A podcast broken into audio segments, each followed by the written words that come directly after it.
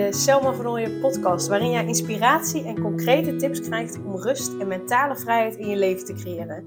Mijn naam is Selma van Ooyen en ik help ambitieuze moeders die zich opgejaagd voelen en verlangen naar overzicht en rust. Ik help hen overzicht en rust te creëren, zodat hun kinderen zo lang mogelijk kind kunnen zijn, omdat er thuis veel meer rust is. Heel veel luisterplezier!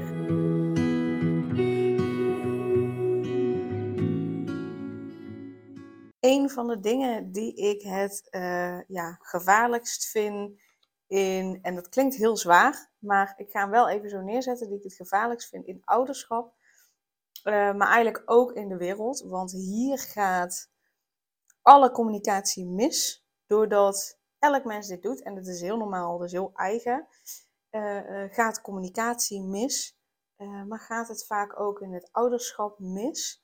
En hierdoor kunnen kinderen niet echt zichzelf zijn.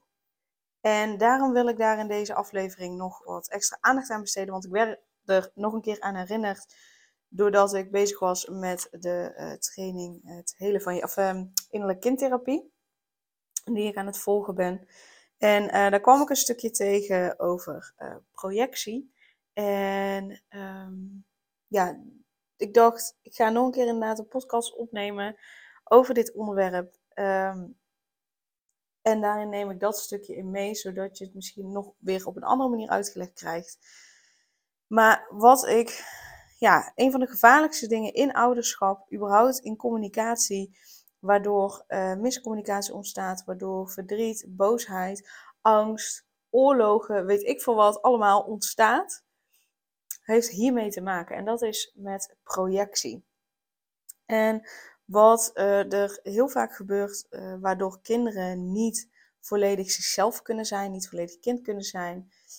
Um, dat kan meerdere oorzaken hebben, maar dit is er één van en dat is dus projectie.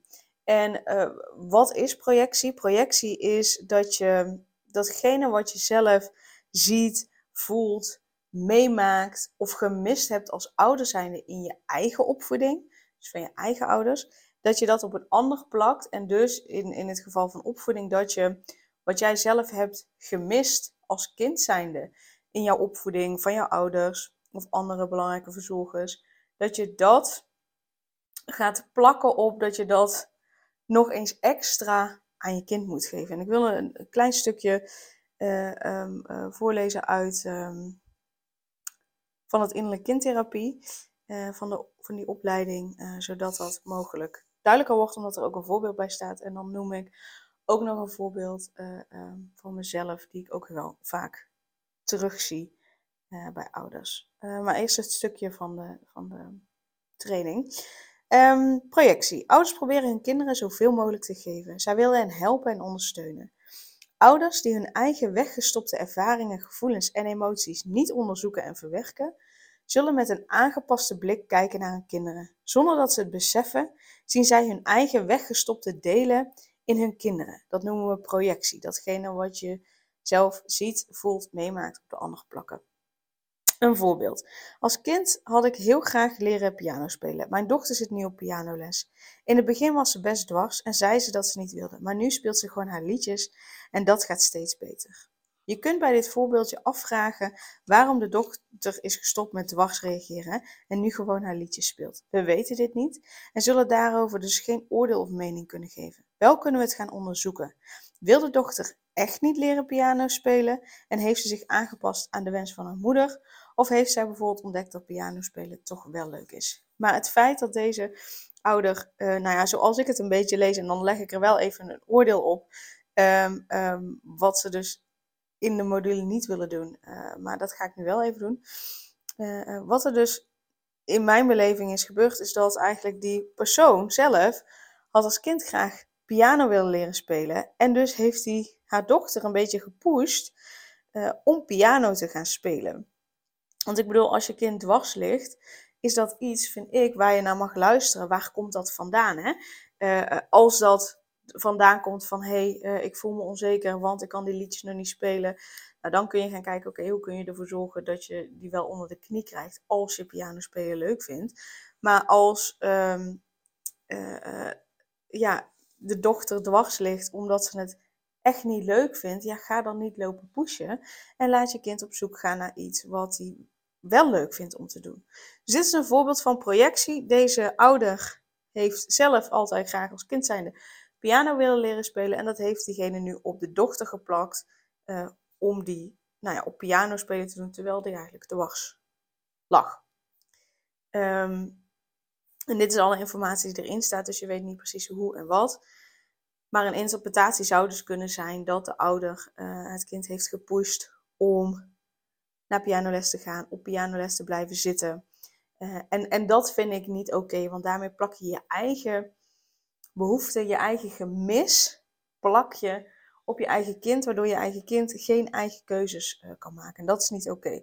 Maar nogmaals, er is te weinig informatie. Uh, het is iets waar je meer vragen over zou moeten stellen, vind ik, om, uh, om erachter te komen wat er precies in de hand is. Maar dit is een voorbeeld van projectie. Een andere wat ik vaak zie van projectie is dat ouders bijvoorbeeld zelf heel streng opgevoed zijn. En dat ze in hun opvoeding hun kinderen juist net heel vrij laten. Of andersom, dat ze als kind zijnde heel vrij zijn gelaten en dat ze daarin uh, regels en grenzen hebben gemist. En dus dat ze hun kind heel veel regels en grenzen op gaan leggen. Um, wat ik namelijk heel vaak hoor is de uitspraak, ja maar uh, zoals mijn ouders het toen deden, dat ga ik echt niet bij mijn kinderen doen. Of wat er toen is gebeurd, of hoe mijn ouders dat aanpakten, dat ga ik echt absoluut niet doen. En dat is natuurlijk super mooi, hè? De intentie daarachter is super mooi, want je hebt zelf iets gemist of je hebt iets meegemaakt dat je niet fijn vindt en je wil dat je eigen kinderen dat niet meemaken. Dat is voor mij ook de drijfveer waarom ik doe wat ik doe. Waarom ik heb gekozen om, om ambitieuze moeders met jonge kinderen te helpen. Uh, om ervoor te zorgen dat die kinderen zo lang mogelijk kind kunnen zijn. Dat komt uit een eigen gemis. Dus het, kan ook een hele mooie uh, drijfveer zijn.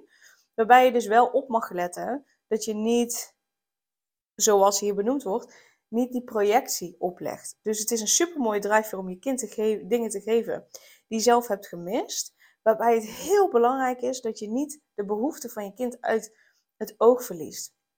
Als jij namelijk bijvoorbeeld heel streng bent opgevoed en uh, daarin heb je een stuk vrijheid gemist en je wil die vrijheid aan je kinderen meegeven, kijk dan ook ondertussen naar je kinderen van hé, hey, um, is dat wat zij nodig hebben?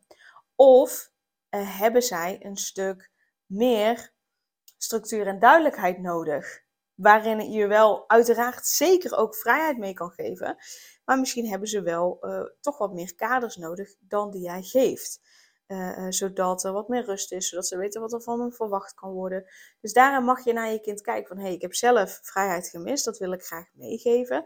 En tegelijkertijd, wat hebben mijn kinderen wel nodig? Het ene kind heeft veel meer duidelijkheid en, en grenzen nodig. En het andere kind heeft dat wat minder nodig. En, en uh, kan wat meer bijvoorbeeld met onduidelijkheid omgaan of met onzekerheid omgaan.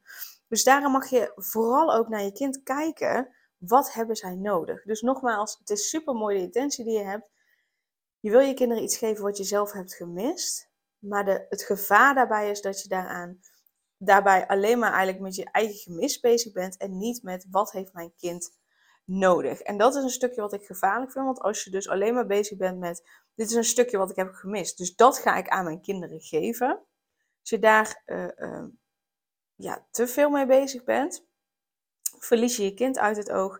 Ga je je kind misschien wel iets geven in een, in een mate die je kind niet nodig heeft.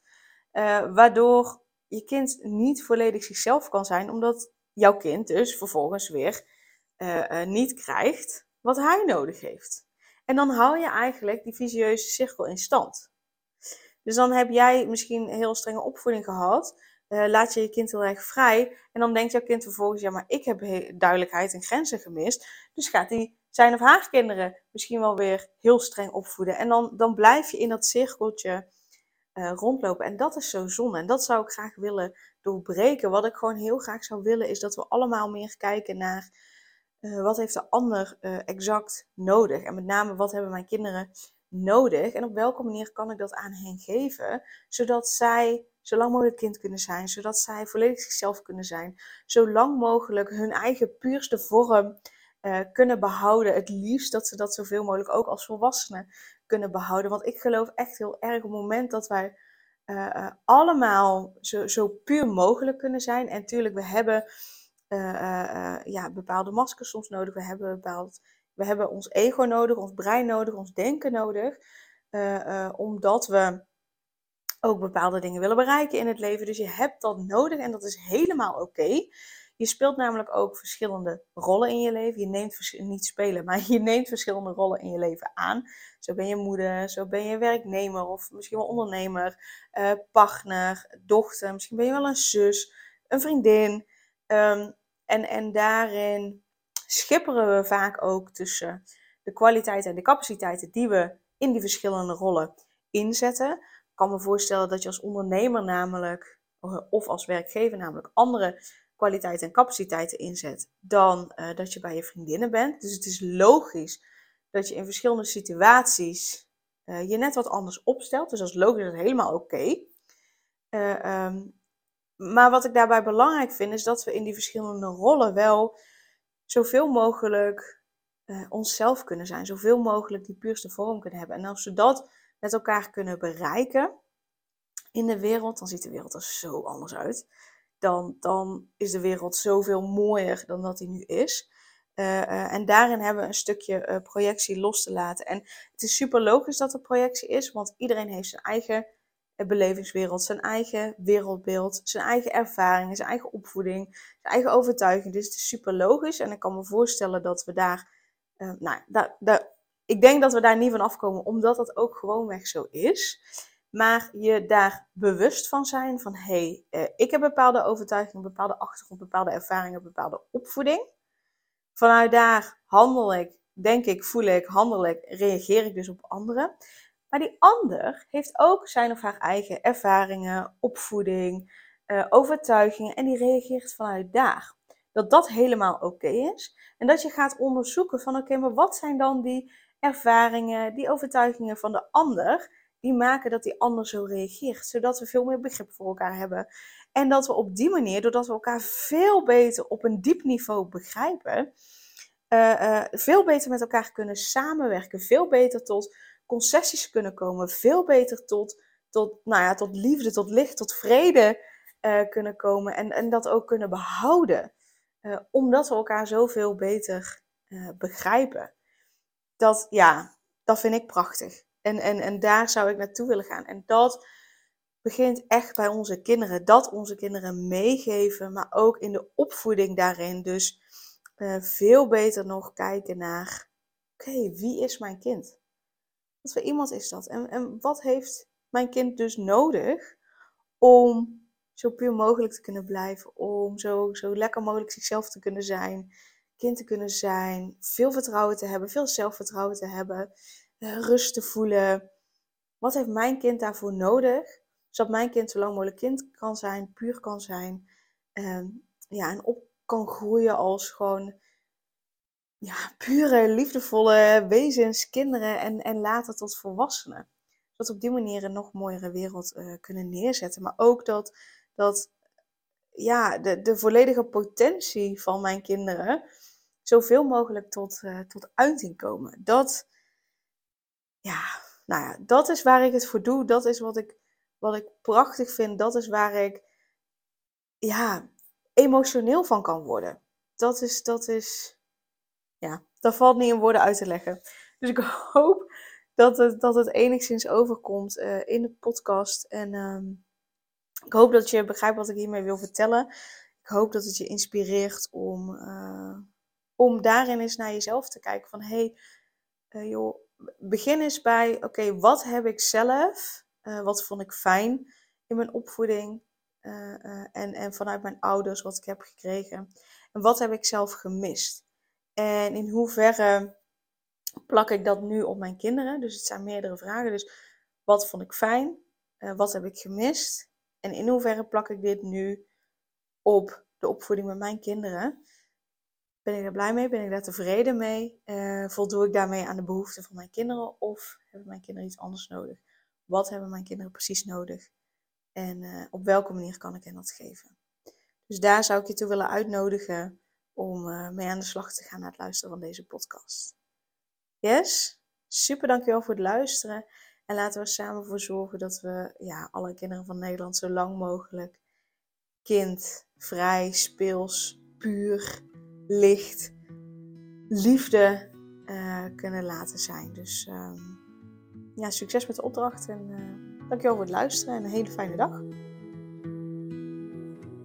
Super leuk dat je weer luisterde naar een aflevering van de Selma Vernooien podcast. Dank je wel daarvoor. En ik deel in deze outro nog een aantal belangrijke punten. Als eerste is het mijn missie om ervoor te zorgen dat alle kinderen van Nederland zo lang mogelijk kind kunnen zijn. En dat begint bij hoe jij je voelt als ambitieuze moeder. Daarom maak ik deze podcast voor jou en voor je kind of voor je kinderen. Gun je je kinderen dus ook een vrije en gelukkige jeugd, zodat ze zo lang mogelijk speels, vrij, onbevangen en onbezonnen kind kunnen zijn Vraag dan nu mijn gratis e-book aan 8 tips voor ambitieuze moeders om meer rust in je leven te creëren via mijn website www.selmavernooien.nl slash gratis-e-book. Ten tweede, wil je alle podcastafleveringen overzichtelijk onder elkaar en wil je als eerste op de hoogte gebracht worden als er een nieuwe podcastaflevering online staat? Abonneer je dan op de podcast door op de knop volgen, subscribe of abonneer te klikken. Ten derde, ondersteun je mijn missie en wil je ook helpen om alle kinderen van Nederland zo lang mogelijk kind te laten zijn? Laat dan een review achter in de podcast-app via waar je deze afleveringen luistert. Hoe meer reviews, hoe beter de podcast vindbaar is en dus hoe meer ambitieuze moeders en hun kinderen ik kan helpen. En tot slot, ken je andere ambitieuze moeders voor wie deze podcast interessant zou zijn? Deel dan gerust een aflevering met hen of deel een screenshot van deze aflevering op je social media en tag mij daarin. Wil je mij een vraag stellen of contact met mij opnemen? Dan kan dat via info.selmavernooien.nl of via het Instagram account Selma Nogmaals, super dankjewel voor het luisteren en tot de volgende keer.